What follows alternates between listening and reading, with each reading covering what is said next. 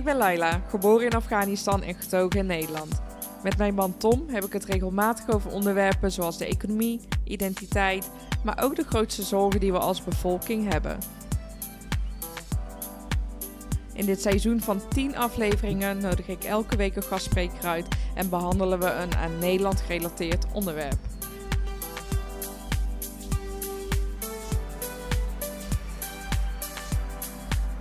Welkom bij Nederkast, ga mee op reis en laten we Nederland samen ontdekken.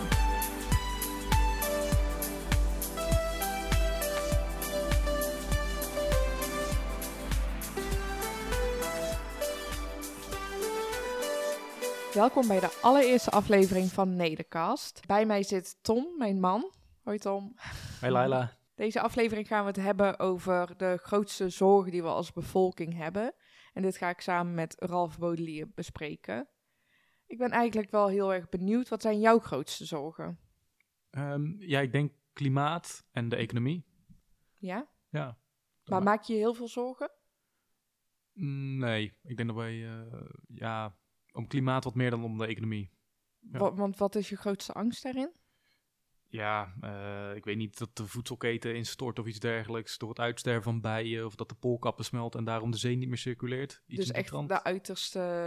Ja, misschien is het wel redelijk doemdenken, ja. Oké.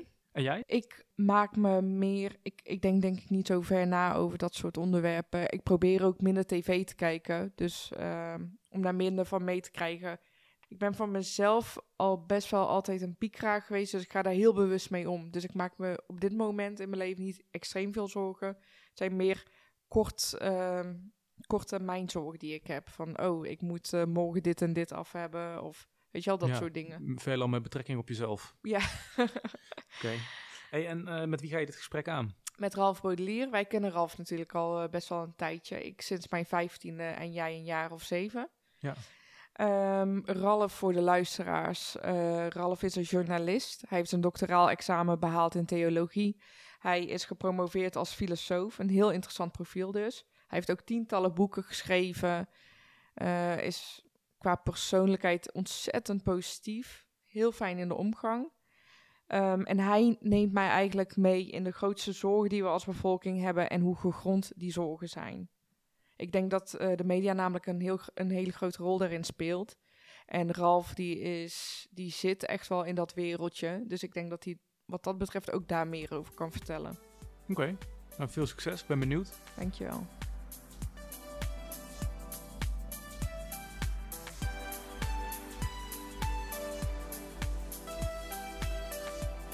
Ralf, welkom. Leuk. Dankjewel, Laia. Hey Ralf, zolang ik je ken, leg je heel erg eh, de nadruk op het positieve en dat, bea- eh, dat onderbouw je ook heel erg. Deze aflevering wil ik het heel graag hebben over de grootste angsten die we hebben als bevolking. Oh ja. Eh, het CBS geeft namelijk aan dat de twee grootste angsten die we hebben zijn criminaliteit en milieu. Mhm. Ik ben heel erg nieuwsgierig. Hoe eh, gegrond zijn deze angsten en waar komen ze vandaan?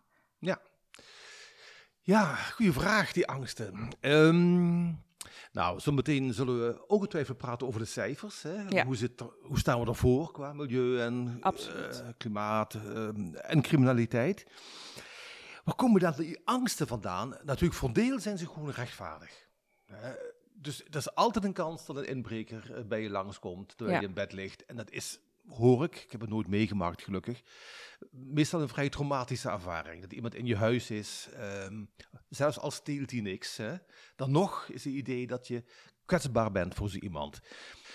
Dus die kans die is er gewoon. En die kans is er voor iedereen. En, ehm, en dat geldt ook voor milieu en klimaat, waar ik zo meteen dan misschien nog wat meer over praat met je, of jij met mij althans.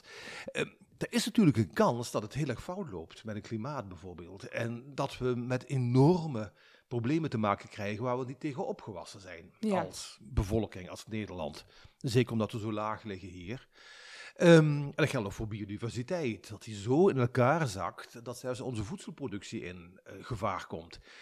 Dus er zit een hele reële onderlaag in die angst. Ja. Het kan. De vraag is of die onderlaag, hoe groot dan die kansen zijn dat je getroffen wordt en of die kansen niet afnemen zelfs in de loop van de tijd of afgenomen zijn zelfs. Ehm, maar dat voor zo meteen. Maar voor nu, wat geeft ons die angst? Ja, het is toch voor een groot deel, is het, behalve dan de realiteit, is het het feit dat wij er doorlopend, dag in dag uit, via de televisie, de kranten, de radio, de podcast, mee geconfronteerd worden. Als je altijd weer, eh, we zitten hier in Brabant, het Brabants Dagblad openslaat of op de website kijkt. Het gaat alleen maar over, Over ellende. over ellende en dan vooral ook criminaliteit. Zelfs al is het geen criminaliteit hier, dan is het wel iets in Mexico waar een eh, spannend filmpje eh, over is. Dan kun je niet anders dan dat gevoel krijgen dat de wereld op dit front heel erg bedreigend is. En dat geldt nog meer voor klimaat en biodiversiteit en milieu. Eh, als je elke dag weer hoort dat de zeespiegel stijgt, dat de stormen toenemen, de overstromingen, de droogtes, de hittegolven. En dat er voor onze kleinkinderen misschien geen jeugd is. Denk aan uh, Greta Ja. Thunberg. Ja, geen wonder dat je de schrik om het hart slaat. Ik denk dat dus de media de grootste aanjager zijn eigenlijk van onze angsten. En hoe komt het dan dat de media zo alleen het negatieve benadrukt? Dat is niet per se een keuze van media om het negatieve of het positieve te benadrukken. Ehm er zit ook geen, geen politieke agenda achter bij de meeste media. Het is iets veel meer voor de hand liggends. Een, je moet je even voorstellen, er zit een journalist achter zijn bureau, eh, ergens op een redactie. Toch maar weer even het Brabants Dagblad. En die heeft dan allerlei eh, bronnen openstaan, onder teletext, maar ook gewoon eh, e-mails van de politie en weet ik veel. Ja, en dan komen dan mailtjes binnen en, en Ja. berichten binnen over een steekpartij in Tilburg, een, ehm, een- iemand die over, overhoop gereden is eh, hier in, eh, in Kaam. en die journalist, ja, die moet die pagina's vullen, of die moet die ru- Ja. rubriek vullen. Ja, en die pakt dit eruit en zet het op internet. Zo gaat dat. En dat geldt natuurlijk voor de kleine media, of de regionale media, maar dat geldt ook voor CNN en, eh, en, en Reuters en eh, Al Jazeera. Er komen berichten uit de samenleving. Die berichten zijn altijd bijzonder, want anders stuurt iemand die Ja. berichten niet weg. En eh, de journalist die vertaalt die door, doet er nog een foto bij, zet er een kop boven. En het punt is, het negatieve trekt onze aandacht natuurlijk. En er komen ook geen berichten binnen over het positieve. Misschien even daar, nog heel kort. Het positieve, dat vertrekt zich dag voor dag. Neem bijvoorbeeld afnemend aantal vrouwen dat sterft aan borstkanker. Ja, om iets dat gebeurt niet maandag op dinsdag. Nee, dat is nooit een doorbraak. Van Nee. god, vandaag hebben ze een, een drop van 10%. Ja. Dan zou het nieuws halen. Maar het is wel 25% of zo gezakt de afgelopen decennia. Maar dat gaat gewoon van dag naar dag, beetje bij beetje. Hè? Dan Ja. weer een behandeling zus en een nieuwe bestraling dit en nieuwe preventieve maatregelen. En zo langzaam zakken die cijfers. Dat is nooit een moment Ja. dat er een persbericht over binnenkomt. Ja, en dan krijg je dus ook dat dit soort positieve, lang, lang, ehm, eh, langzaam zich ontwikkelende ehm, eh, eh, vooruitgang, dat er niet in nieuws komt, terwijl die, die zaken die op, dat, op één moment binnenkomen, die steekpartij, dat auto-ongeval, eh, nou, dat trekt dan meteen de aandacht van de journalist en daarmee ook onze aandacht. Duidelijk, maar het heeft wel een hele negatieve impact. Ja, de impact is enorm. Ja, die is echt vreselijk zelfs. Onderzoek in, ik dacht, tien landen, ehm, over de meeste landen in, in West-Europa en eh, in het Westen, laat zien, ik dacht dat vier op de tien jongeren op dit Ja. moment al zeggen dat ze eh, overwegen om geen kinderen te nemen, omdat er voor die kinderen geen toekomst zou zijn. Dat de helft van de jongeren zich schuldig, wanhopig, eh verdrietig voelt over de toekomst waar we Ja. met z'n allen naartoe gaan. Ehm, Kan je dat begrijpen?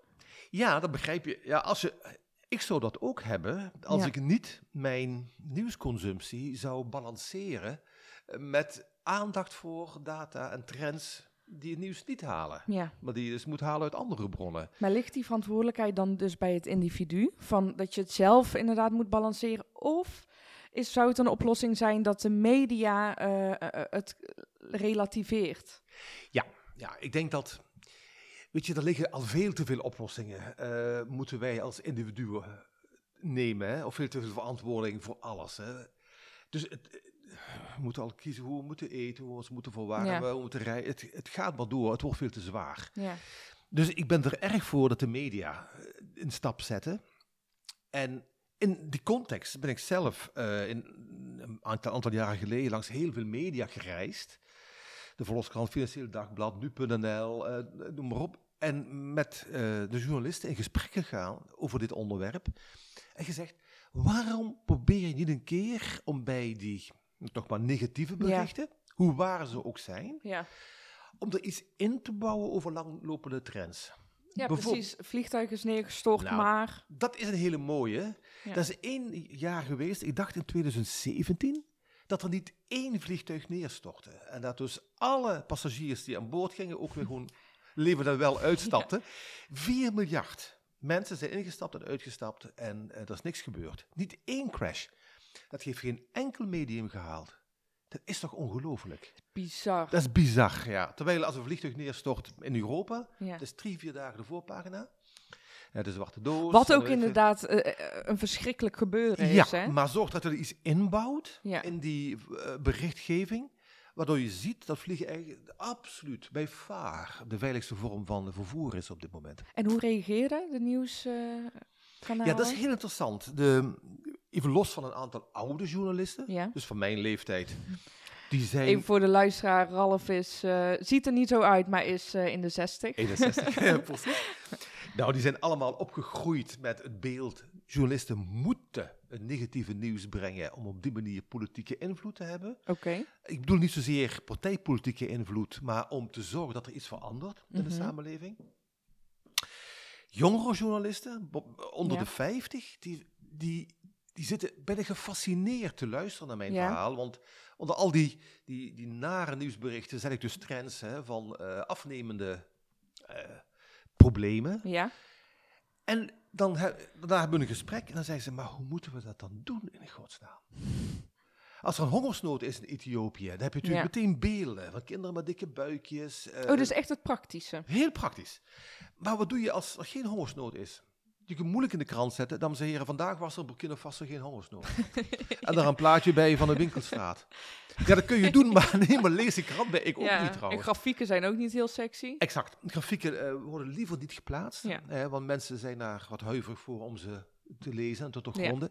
Ze zijn onthand. Ze weten niet hoe het moet. Terwijl ze het eigenlijk wel met mij of met mijn verhaal eh, Ja. eens zijn. Dus daar ligt het. Het ligt op een heel, heel praktisch eh, terrein. Een auto-ongeval met een heel ingedeukte auto. Ja, eh, dat maakt politie impact. loopt, Bam, heb je meteen een beeld. Ja. ja. En maar het afnemend aantal eh, doden, 98% sinds de jaren 70. En Zo. autododen, Ja. of ongevallen met doden via, door auto's. Nou, dat, dat, ja, hoe moet je dat weergeven? Eigenlijk zou dus gewoon echt de oplossing zijn als er iets verschrikkelijks gebeurt, wat dus sowieso het nieuws haalt, om dat ook deels te relativeren en cijfers aan te tonen. Ja. Dat dit een van de Dat is dus uitzonderlijke wordt dat we situaties... Ja, zien. precies. Ja, precies. En als we nu eh, naar de cijfers kijken, Ja. eh, die angsten zijn ontzettend groot. Eh, de top twee angsten zijn dus, wat we net zeiden, hè, criminaliteit en milieu. Laten we even criminaliteit pakken. Ja. Wat zeggen de cijfers? Ja, nou de cijfers zeggen, als je nu heel ver teruggaat tot, mij betreft zelfs voor de Tweede Wereldoorlog, Ja, of ook nog de jaren 50, ja. toen waren ze heel erg laag, die cijfers. Dat is gewoon een feit lager dan op dit moment. Oké. En het waren natuurlijk hele kleinschalige samenlevingen die we hadden. Hè. Mensen wonen vooral in dorpen, veel sociale controle. ehm, maar ook veel minder, dat is de andere kant, eh, aangiftes. Want als iemand iets stal van iemand anders, ja, dan ging je gewoon verhalen halen. En haalde ding terug en of je sloeg hem op zijn bek, weet je wel. En eh, noem maar op. Ehm, maar hoe dan ook, de cijfers zijn eh, dat het aantal moorden in Nederland in de jaren 30, maar ook nog begin jaren 50, vrij laag lag. Dan zie je opeens in de jaren 70 begint dat te groeien. En een soort hoogtepunt in de jaren 80. Dan worden ook enorme fietsen gejat. is een enorme inbraakgolf. ehm. Maar dan zie je, en dat is interessant, en dat weet dus niemand, dat vanaf de jaren 80 een hele gestage, langzame stap voor stap daling is van vrijwel alle vormen van criminaliteit. Waarom was die in de jaren tachtig allereerst eh, zo hoog? Ik vermoed een van de redenen is, of dat vermoed ik niet, dat eh, is eigenlijk een vrij gevestigde theorie. Stel je voor in de jaren 50 in, in, Ja. in Nederland, niemand zette zijn fiets op slot. De meeste mensen eh, deden de achterdeur niet eh, op slot. Dus ze maakten het mensen heel erg makkelijk om een fiets te jatten, eh, weet ik veel. Ehm, wat er ook was trouwens, in de jaren 50 en de jaren 30, er was ook weinig te jatten. Dus als je in het huis kwam van je buren, daar stond dezelfde paar potten en pannen en, en die paar kleren. Dus de welvaart groeit ook, er valt ook meer weg te halen. Dus er zijn een hoop oorzaken. A, de drempel om te stelen Was laag. is laag. En datgene wat gestolen kon worden, dat nam toe. Dus nou, dat was een enorme aanjager eigenlijk van de criminaliteit. Dan heb ik nu toch vooral over vermogenscriminaliteit. Hè? Wat toch de belangrijkste, eh, altijd de belangrijkste pot is. Het aantal moorden is nooit zo groot geweest, nog steeds niet. Nou, en dan in de jaren tachtig wordt dat dan ook een, echt een golf. hè, het wordt enorm aangepakt. Dan zie je mensen gaan hun huizen beveiligen, beveiligingsbedrijven Ja. komen op. Ik was zelf jarenlang eh, beveiligingstimmerman in eh, Tilburg.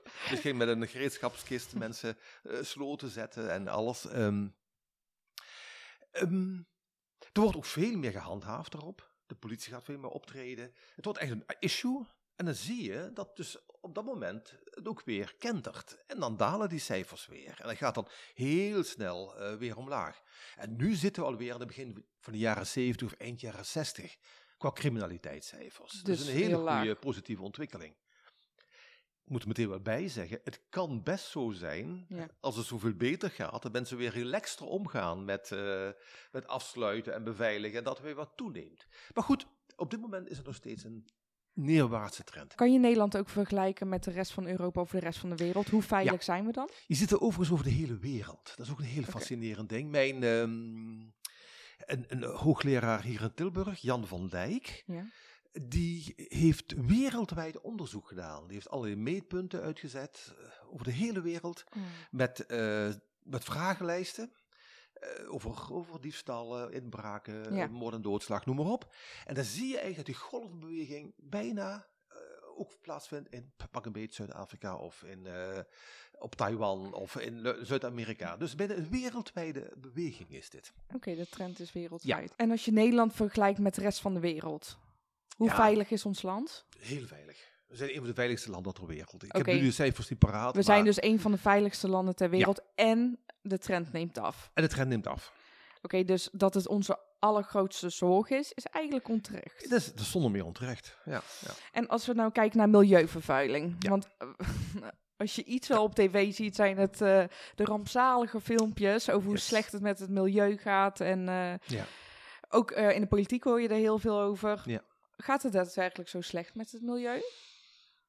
Hier, dat heeft te maken voor een groot deel met welke maatstaven we aanleggen. Hè, wat slecht gaat of goed gaat. Als je de maatstaf aanlegt hoe de natuur ervoor stond, pak een beet voor de industriële revolutie. Ja. Ja, sterker nog, pak een beet in 1500. Mhm.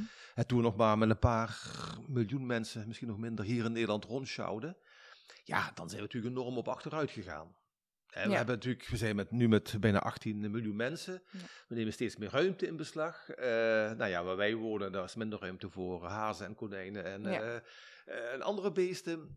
Dus eh, als je de maatstaf neemt, en die maatstaf wordt dus vaak genomen van een, een, een, een bijna on... Nou, het is, hij was ook toen niet ongerept, want we hebben natuurlijk in Nederland altijd al de natuur bewerkt. Ja. Hè? Eh, we weten houtland, Holland komt van houtland, omdat Oh, vroeger dat wist bos, niet. Nee, stonden vroeger heel veel bossen en die werden allemaal, zeker in die 16e en 17e, 18e eeuw, gekapt en opgestookt en eh, kachels, maar ook huizen van gebouwd, schepen van gebouwd. En die bossen verdwenen hier in Nederland. Dus hij is nooit ongerept geweest. Maar goed, als je toch even teruggaat naar een, een, een- een eerdere tijd, dan staan we er minder voor. Er zijn veel minder, Ja. minder, minder grote populaties aan soorten. Door bevolkingsgroei dus. Zonder meer. Ja, het heeft zeker een, een, een belangrijke rol gespeeld. Ehm, dus de maatstaf, die speelt een hele belangrijke rol, Ja. eh, hoe we naar kijken.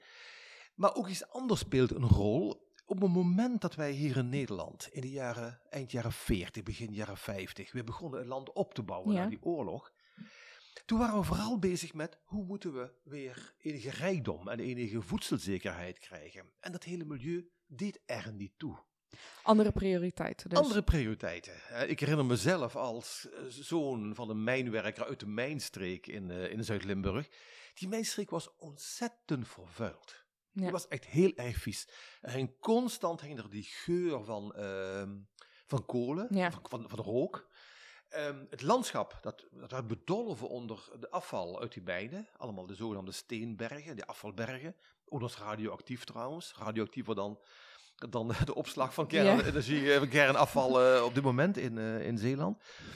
Um, de aanleg van wegen, er werd ruiverkaveling gedaan. Uh, alle, in de jaren 60 nog bijna alle fruitbomen laagstam werden gerooid. Daar kreeg je subsidie op. Um, dat was een enorme klap voor het milieu in die tijd. Maar dat was niet relevant voor niemand, want mensen willen één ding: welvaart. Ze willen een eigen huis, ze willen verwarming, ze willen een radio, naar de hand een televisie. Ze willen een goede fiets, een bromfiets of een auto zelfs.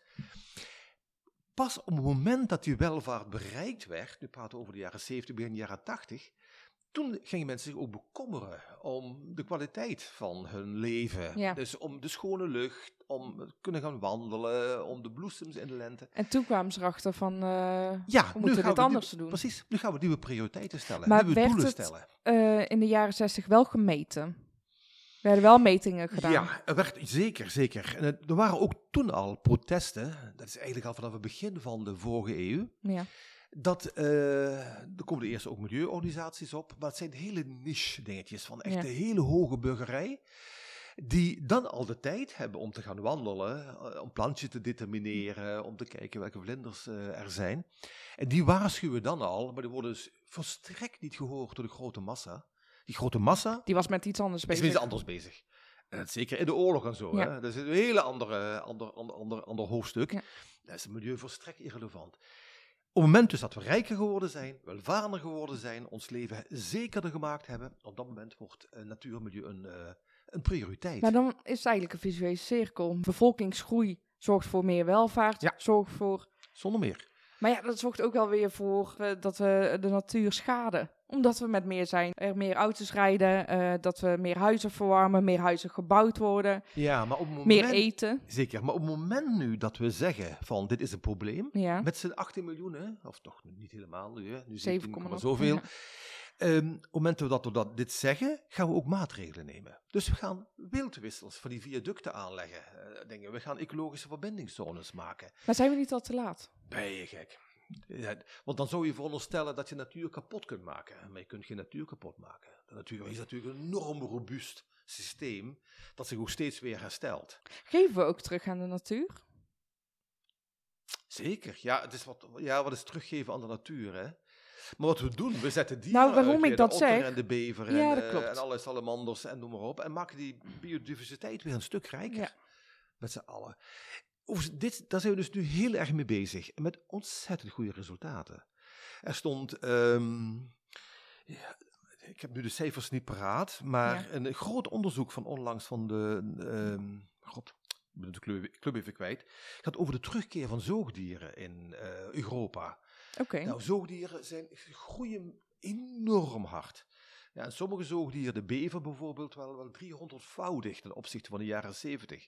En dat geldt voor de, voor de, zelfs de zeearend, voor allerlei soorten vogels, insecten. Geven ze gewoon meer ruimte dus? We geven ze meer ruimte. We beschermen plekken, weet je wel. We zetten ze af. We mogen er alleen nog maar wandelen met de hond aan de lijn, of soms helemaal niet. Um, we zorgen dat ze met elkaar in verbinding staan. We, we, graven al vaker weer uh, poelen en ruimtes waar ze kunnen floreren. We zetten ons in ervoor. Ja. Uh, natuurwerkers die maken weer uh, poelen vrij, dat kikkers en amfibieën daarin kunnen leven, dat ze zonlicht krijgen. Je ziet, omdat wij die prioriteit zijn gaan stellen over milieu, zie je ook dat er een enorme inzet is weer om dat milieu te herstellen. En als je dit uh, linkt aan waar we het net over hadden, hè, de media, mhm. en dat het zorgt voor een, eigenlijk een gitzwart beeld, ja. maakt de media het probleem niet zo ontzettend groot dat het niet behapbaar meer lijkt voor het individu? Als wij een, op een manier de problemen naar voren zouden kunnen brengen, zodat ze mensen echt activeren om uh, er iets aan te doen. Dat zou veel beter zijn. Maar dan moet je ze ook zeggen, jongens, we hebben grote problemen. Uh, die, die diersoorten, populatie wordt kleiner. Sommige diersoorten verdwijnen uit Nederland. Komen even op de diersoorten. Maar als we dit en dit en dit doen, dan kunnen we ze weer terughalen, kunnen ze weer beschermen. En zie naar de resultaten van de afgelopen 20, 30 jaar dat dit ook kan gaan lukken. Ja. Dus je moet op een andere manier, veel meer met hoop ja. en met, met terugkijken, moet je uh, communiceren. En het behapbaar maken dus. En het behapbaar maken, ja. Hoe kan je dit het beste als individu aanvliegen? Als ik het zou moeten, of als ik het aanvlieg, in uh, bijvoorbeeld lezingen of gesprekken met uh, mensen, Ik focus me altijd op hele concrete doelen. Dat is dan toch, wat mij betreft, ergens dat natuurgebiedje, als het over natuur en milieu gaat. Ja. Hè? Dat natuurgebiedje eh, twee straten verderop.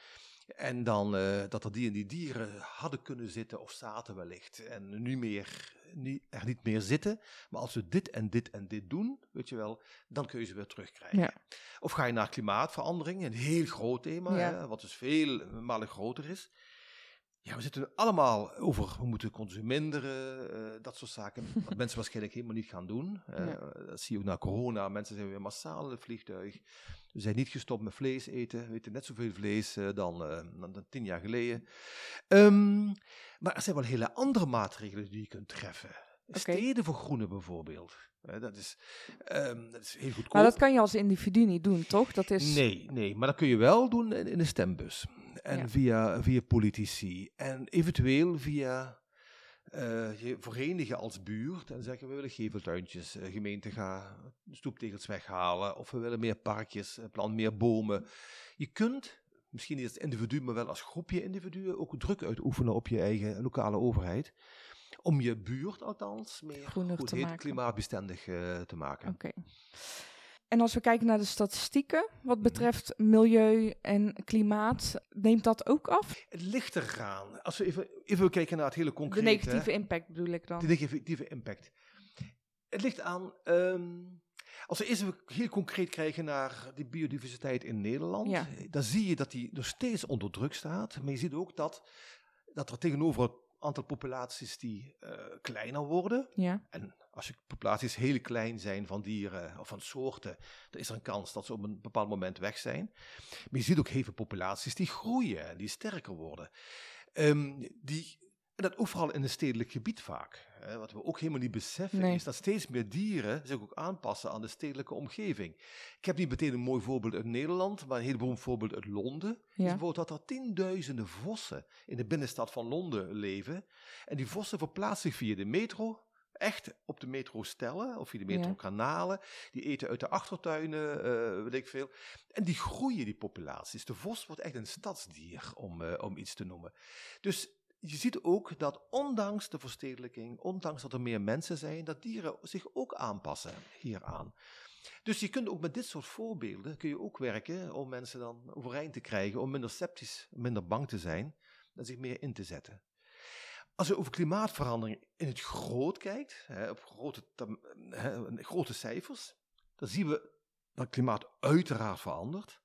We zien ook uiteraard dat de meest extreme zullen toenemen, met waarschijnlijk een zeespiegelstijging als meest bedreigende, zeker voor lage landen als, eh, als Nederland. Misschien zozeer voor ons hier in Brabant, maar wel hè, natuurlijk als Ja. je in eh, de Hollanden woont, eh, of in, in Zeeland, of in eh, Friesland en Drenthe. Tegelijkertijd zie je ook iets heel bemoedigends. Wat ik altijd een fascinerend cijfer vind, en een van de meest belangrijke die mist in het debat, het aantal slachtoffers van klimaat, dat dat enorm daalt. ja, daar hoor je inderdaad nooit iemand over. Ja, en het gaat niet om een kleine daling, dat gaat om een immense daling. Even kijken naar klimaat, het gaat vooral om stormen, om droogtes, overstromingen en hittegolven. Dus de slachtoffers van het klimaat bedoel je de mensen die omkomen Die duidelijk tijdens... sterven door iets wat met klimaat te maken heeft. Eh, dus je praat dan over klimaatgerelateerd weer. Ja. Eh, dus de grote overstroming, Pakistan bijvoorbeeld, of het Aardal of Limburg. Grote stormen, zoals vaak in de Verenigde Staten. Ja. Eh, bosbranden en droogtes, Australië bijvoorbeeld, maar ook Spanje op dit moment. Ehm, Maar hoe komt dat? Want komen, die, eh, komen die omstandigheden niet meer voor? Of zijn Jawel. we beter tegen... Be- ja, ze nemen toe, die omstandigheden, die slechte Mhm. omstandigheden. Overigens niet zo dramatisch als we denken. Ja. Dat zal er wellicht gebeuren. Laten we hopen van niet, maar dat zit wel in het vat, helaas. Maar wat fascinerend is, wij beschermen ons daar veel beter tegen. Als je heel concreet naar de cijfers kijkt, dan Ja. zien we dat precies 100 jaar geleden, vanaf dat moment hebben we cijfers, Ja. dat ongeveer wereldwijd zo'n 450.000 mensen elk jaar omkwamen in de jaren 20 van de vorige eeuw. Dat is echt veel. Vooral... Enorm, dus bijna half miljoen. Ja. En dan op een bevolking die nog geen wat was het, Precies. 2 miljard was, of 3 miljard, iets in die richting. En vorig jaar, in 2021, toen kwamen geen uh, 450.000 mensen om. Toen kwamen er, ik dacht iets van 8 of 9.000 mensen om. Dat is echt een enorme daling. Zeker als je dat verrekent met de stijging van de bevolking van Ja. hè, 2 naar 3 miljard naar de huidige bijna eh 8 miljard. Het is een daling van 98 procent. Die is immens. Met andere woorden, klimaat verandert. Ja, De aantal rampen of, of, of bedreigingen eh, nemen toe. Maar het feit dat wij steeds welvarender worden en slimmer worden. hè, en zorgen we meer drainage en irrigatie en sterkere huizen en betere vluchtroutes en early warning systems en airconditioners en eh, Ja. luchtbevochtigers. Wat ook allemaal heeft ervoor gezorgd dat het aantal slachtoffers gewoon dramatisch afneemt. ja, en dat is natuurlijk heel goed voor het aantal slachtoffers, maar nog steeds eh, niet goed voor de aarde en het milieu, toch? Dat wij beter weten te overleven, dat, dat maakt niks goed. Jawel, dat maakt heel veel goed, want uiteindelijk draait natuurlijk onze angst voor klimaatverandering. is niet zozeer dat we bang zijn dat de een of andere neushoorn uitsterft, maar dat wij eraan gaan. Hè? Of dat onze voedselsystemen worden aangetast, of nou ja, noem maar op. Daar zitten onze grootste angsten. We zijn helemaal, ja, we zeggen wel bezorgd te zijn voor een of andere, eh weet ik veel, salamandersoort in, eh, in, in, in, in Peru. Maar daar liggen onze angsten helemaal niet. Onze Uiteindelijk angsten is dat onze kleinkinderen dus eh, ook nog... eh, een goed kunnen leven kunnen leiden. Precies. Nou, voorlopig ziet er niet naar uit dat dat niet zo zal zijn.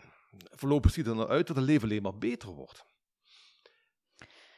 Ook voor onze kleinkinderen.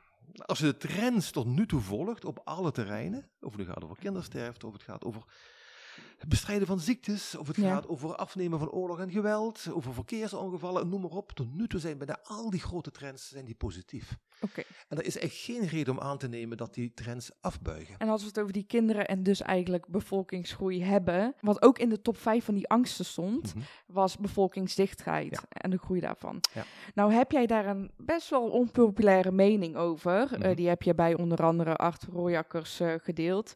En je hebt ook wat dingen over David Attenborough gezegd. Deel even je mening erover.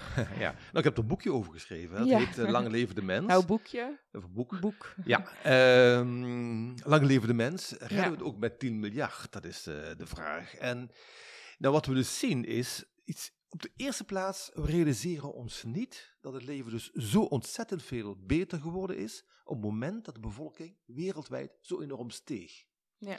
Dus zou je een lijn uitzetten van de groei van ons inkomen, Ja. of van de afnemende kindersterfte, of de afnemende moedersterfte, of de, die lijnen die gaan allemaal gelijk op met die groeiende bevolking. Ja. Dan kun je zeggen, dat is puur toeval, hè? dat ondanks dat die bevolking groeit, dat Ja. ook al die, die problemen minder worden. Maar de, de kans is veel groter dat het niet ondanks is, maar dankzij. Ja. En dan is het idee het volgende. Moet je even voorstellen dat je in een land woont waar maar een paar mensen wonen. Mooi land, heel groen, heel veel natuur, allemaal Ja. fantastisch. Maar je zit daar ergens en de, de volgende buren die wonen 100 kilometer eh, verderop. Ja. Kortom, dan moet je alles wat jij doet in je leven, moet je zelf doen. Je moet Ja. zelf zorgen dat je je dieren vangt of slacht of houdt. Je moet je groenten verbouwen, je moet je huizen bouwen, je moet je stoelen maken. Je moet, ik weet ik veel. En het meeste kun je natuurlijk niet. Je kunt geen chemokuur bedenken zelfs. Of Nee, geen nee, defibrillator voor een hartstilstand. Nee, geen precies. vaccinaties voor je kinderen. Dus hoe dan ook. In zo'n situatie word je als mens ongeveer 28 jaar. Is je levensverwachting. En dat Ja. weten we gewoon terugkijken in de Ja, geschiedenis. precies, want vroeger was het zo. Hoe was het zo? Mensen leefden dus eh, honderdduizenden jaren lang, hè, dus de eerste mens. Ja. Leefden ze in die prachtige natuur, met enorm veel dieren. Ondertussen waren ze niet ouder dan 28. En dat kwam omdat al driekwart van de kinderen doodging. Dat de meeste vrouwen al stierven voor hun twintigste, op Ja. het tweede, derde, vierde Kan kraambed. je nu echt niet voorstellen. Dat kun je allemaal niet meer voorstellen. Maar het was dus die natuurlijke situatie waarin de mens verkeerde. Ja. Toen die bevolking toenam, toen kon de ene zich gaan specialiseren in het maken van stoelen. En de andere bouwen van huizen. Eh, De derde van het eh, houden van dieren. En de vierde in vissen. Een hele simpele arbeidsverdeling. Maar dat betekent wel dat je dus geen meer vissen kreeg, die hij verkocht dan. Een betere stoelen kreeg en, en sneller Ja. huizen bouwde, omdat die mensen gingen specialiseren. Nou, die, dat is toegenomen. En dan zie je dus dat wij nu, dat iemand die opgeleid wordt als, eh, weet ik veel, binnen, binnen, binnen farmacologie, Ja. zich helemaal kan specialiseren op één soort medicijn, tegen prostaatklachten, noem maar eens wat. En niet zich bezig hoeft te houden Met met het bouwen van Al een... dat eh, andere. Met ja, zijn salaris koop je dat allemaal. Ja. En je bestelt een huis, mij betreft, op internet, hè, wat voor wordt neergezet. je laat de stoelen komen van, eh van de Leenbak of de Quantumhallen, weet ik veel. Ja, Ehm, hij gaat met zijn kinderen naar het, vak- naar het consultatiebureau, laat ze inenten, hoeft hij niet naar om te kijken. Eh, Zijn nieuwsvoorziening wordt geregeld, want hij neemt, hij kijkt namelijk televisie, neemt een krantenabonnement. Hij kan zijn hele, zich heel verfijnd specialiseren op één klein onderdeel, maar al die kleine onderdelen samen maakt de samenleving zoveel veiliger Ja. en zoveel rijker. En zoveel mooier ook trouwens. Ja. De muziek wordt mooier en de kunst wordt mooier en de architectuur wordt mooier en lichter en duurzamer. Met andere woorden, hoe meer mensen, hoe dichter op elkaar, hoe welvarender en ook gelukkiger samenleving. maar zit er niet een plafond in? Ik kan me voorstellen dat als je het vergelijkt met dat we inderdaad eh, met, eh, weet ik veel, eh, een half miljoen mensen op aarde waren en, en, en nu dat het nu beter gaat. Ja. Maar zit er niet een plafond aan met maximaal aantal mensen? Ja, voorlopig niet, hè? zo te zien. Eh, omdat we tot nu toe althans het plafond niet bereikt hebben. Want dat zou je eens moeten kunnen zien, dat opeens die cijfers, hè, levensverwachting... maar dat eh, doet het dus helemaal nee, niet. dat doet het dus niet. Maar Ralf, je benoemt eigenlijk alleen het positieve van bevolkingsgroei.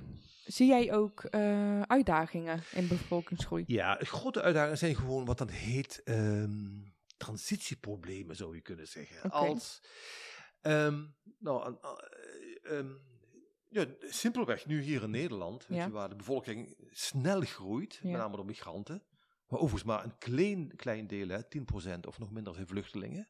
Dat is even goed te beseffen. Het zijn vooral arbeidsmigranten. Ja. Ehm, die willen allemaal een huis, die willen natuurlijk eh, die willen vervoer, die willen een auto, noem maar op. Ja, en dat moeten we dan zien te matchen met andere uitdagingen, namelijk een plafond aan stikstof. Dat is eigenlijk Ja. terugdringen van stikstof, terugdringen van CO2. eh, we willen ook veel natuurgebieden overhouden, dus ook niet te veel uitbreiden in het buitengebied. Ja, dat zijn dus overgangsfricties die we hebben en die op dit moment heel erg hoog opspelen in Nederland. Maar ja, dat lekt zich op een bepaald moment wel weer. We hebben ook in de jaren 50 hebben we steden bijgebouwd, hè? Almere en Lelystad. Ja. We hadden die problemen ook. Dus we hebben die uitdagingen al heel vaak gekend. En we weten Is dat ook, iets waar, waar we de bouwen bij en dan gaat het zich dat wel weer leggen. Maar is dat is, want waar komt die angst voor bevolkingsgroei vandaan? Hè? Want is dat iets wat al heel lang speelt? Eh, wat het, Ja, nee, is, dat een angst van de afgelopen decennia? Of? Ja, dat is fascinerend. Dat is ik- een van de hoofdthema's in eh, mijn boek. Ehm, ik ga. De eerste keer dat ik daarover las, Ja. was niet eh, aan de hand van een, van, van een document van het CBS of zo, maar het was in een tekst van Plato. Oké. En Plato die zegt dan, in die tekst heeft hij een discussie met iemand, en diegene die wil eh, de mensen van Athene allemaal welvaart bieden. Dat is een heel Oké. fascinerende discussie. Die liggen daar, Plato en die is een jonge man, idealistisch. We praten over een tekst uit 500 voor Christus. En dan ligt Plato ligt aan aan een tafel, ze eten druiven en ze praten wat. En die man zei, het zou toch fantastisch zijn, als al, al die arme mensen ook hier in Athene, als die ook gewoon genoeg te eten hadden en een mooie stoel hadden. En zoals wij, rijke Ja. mensen. En dan begint Plato die man uit te dagen. En dan zegt hij van, eh, ja, maar ja, dat betekent dus ook dat we meer eh, bomen moeten kappen. Dat we meer landbouw moeten aanleggen, gebieden. Dat we meer luxe eh, moeten krijgen. En ja, en dat betekent dus dat we waarschijnlijk in strijd komen met de mensen van de stad hiernaast. Want die willen ook uitbreiden en dan krijg je oorlog. Nee, zegt Plato. Hij zegt het niet zo simpel als ik het Ja. nu zeg, maar hou die Athemers maar arm, geef ze niet al te veel, dan hoeven we ook niet te veel gebruik te maken van moeder aarde. Eh, wat die andere steden dan ook misschien hopelijk niet doen, en dan krijgen we ook geen oorlog. Oftewel, zorg dat mensen niet rijk worden, dat ze zich niet te veel uitbreiden. Plato zegt ook nog, wij als staat moeten controleren dat ze niet te veel kinderen krijgen. Plato vertelt eigenlijk hier het populaire programma al van de bevolkingsbeperking. Beter voor milieu, eh, weet ik veel. Maar en hij speelt zegt, nog steeds dus. hij zegt nog steeds. En hij zegt ook meteen wat de prijs is. Namelijk, we moeten als overheid moeten we de bevolking terugduwen, zegt Plato. Maar dat, zo, dat zijn enge uitspraken als jij gaat beslissen wie er wel of niet mag leven. Die zou ik denken. Dat is vreselijk dit, weet je wel. Hè? De bevolking. Maar dit, wat Plato toen al zei, en wat Aristoteles dan een, tiental jaren later overneemt. Dat kom je weer terug in de, in, de, de kerkvaders. Dat zijn de, de denkers die de kerken hebben Ja. opgebouwd, de theologen. In de Tertullianus beschrijft in de tweede eeuw na Christus, hij zegt, De bevolking eh, is, is nu zo gegroeid.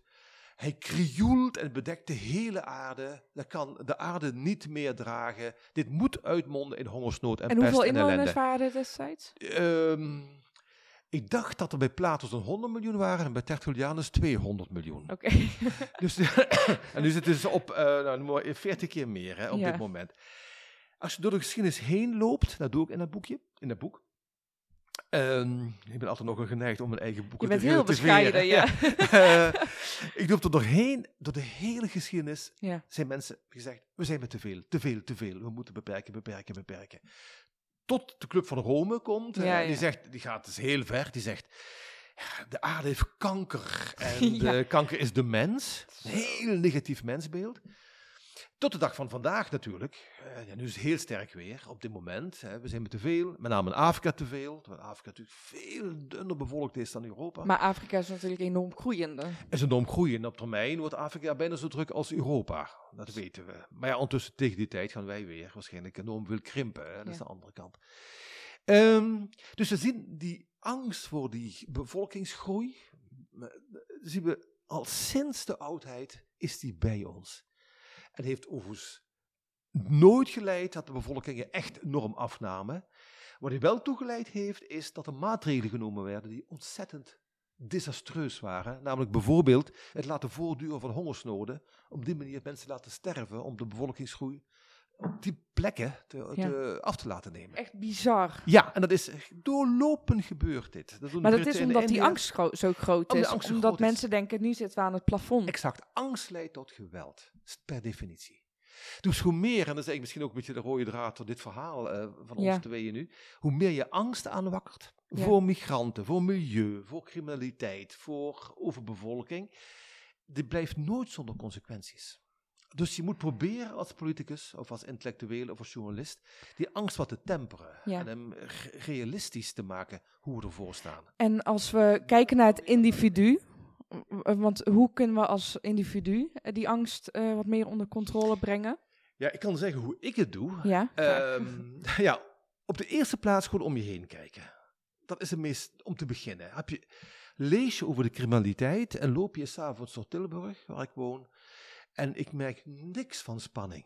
Er komen geen Ja. mensen om me af met messen, eh, weet ik veel. Da- dus ook wat vertrouwen op je eigen waarneming. ja, precies. Da- Daar begint het. Eh, een ander ding is van, kijk wat minder televisie en lees wat minder kranten. En probeer in een aantal bronnen op internet gewoon ook te zoeken naar langlopende trends. Dus verrijk ook echt je kennis. Verrijk je kennis daarover. Maar daar moet je dus naar zoeken. Dat krijg je niet geleverd via tv. Heb je een aantal websites waar we dan op kunnen kijken? Ja, een hele belangrijke, dat is voor mij een, een ontzettend belangrijke website. Eh, die heet Our World in Data. Die is van de, van de Universiteit van Oxford. Daar En- heb ik ook op gekeken voor deze podcastaflevering. Precies, ik zie hier wat, wat prinswormen liggen over afnemende criminaliteitscijfers en zo. Die haal je daar vandaan. Dan kun je op Lemma zoeken. Nou ja, neem maar over poverty of, of crime. Het is wel Engelstalig. Ehm, er is een website die heet Reasons to be Cheerful. Van, eh, ik dacht van David Byrne van de Talking Heads. Oh ja. En die verzamelt gewoon opmonterend nieuws. Eentje die ik erg leuk vind, maar die is wel filosofischer, met meer discussies, is Human Ja. Progress. eh, van een Amerikaanse site. Ja. Nou ja, het zijn er zo vier die ik zou kunnen Precies, waar we naar kunnen kijken. Exact. Dus want eigenlijk ontstaat an- angst, want daarmee zou ik het graag willen afsluiten. Eigenlijk ontstaat angst uit onwetendheid. Zeker. En verrijk je kennis en eh, je ervaringen. En open je ogen en zie dat het eigenlijk helemaal niet zo slecht gaat. Waardoor je ook het nieuws beter kan relativeren. Precies, dat heb je heel goed samengevat. Ralf, ik wil je ontzettend bedanken voor je komst. Leida, ik vond een heel leuk gesprek met je. Dankjewel.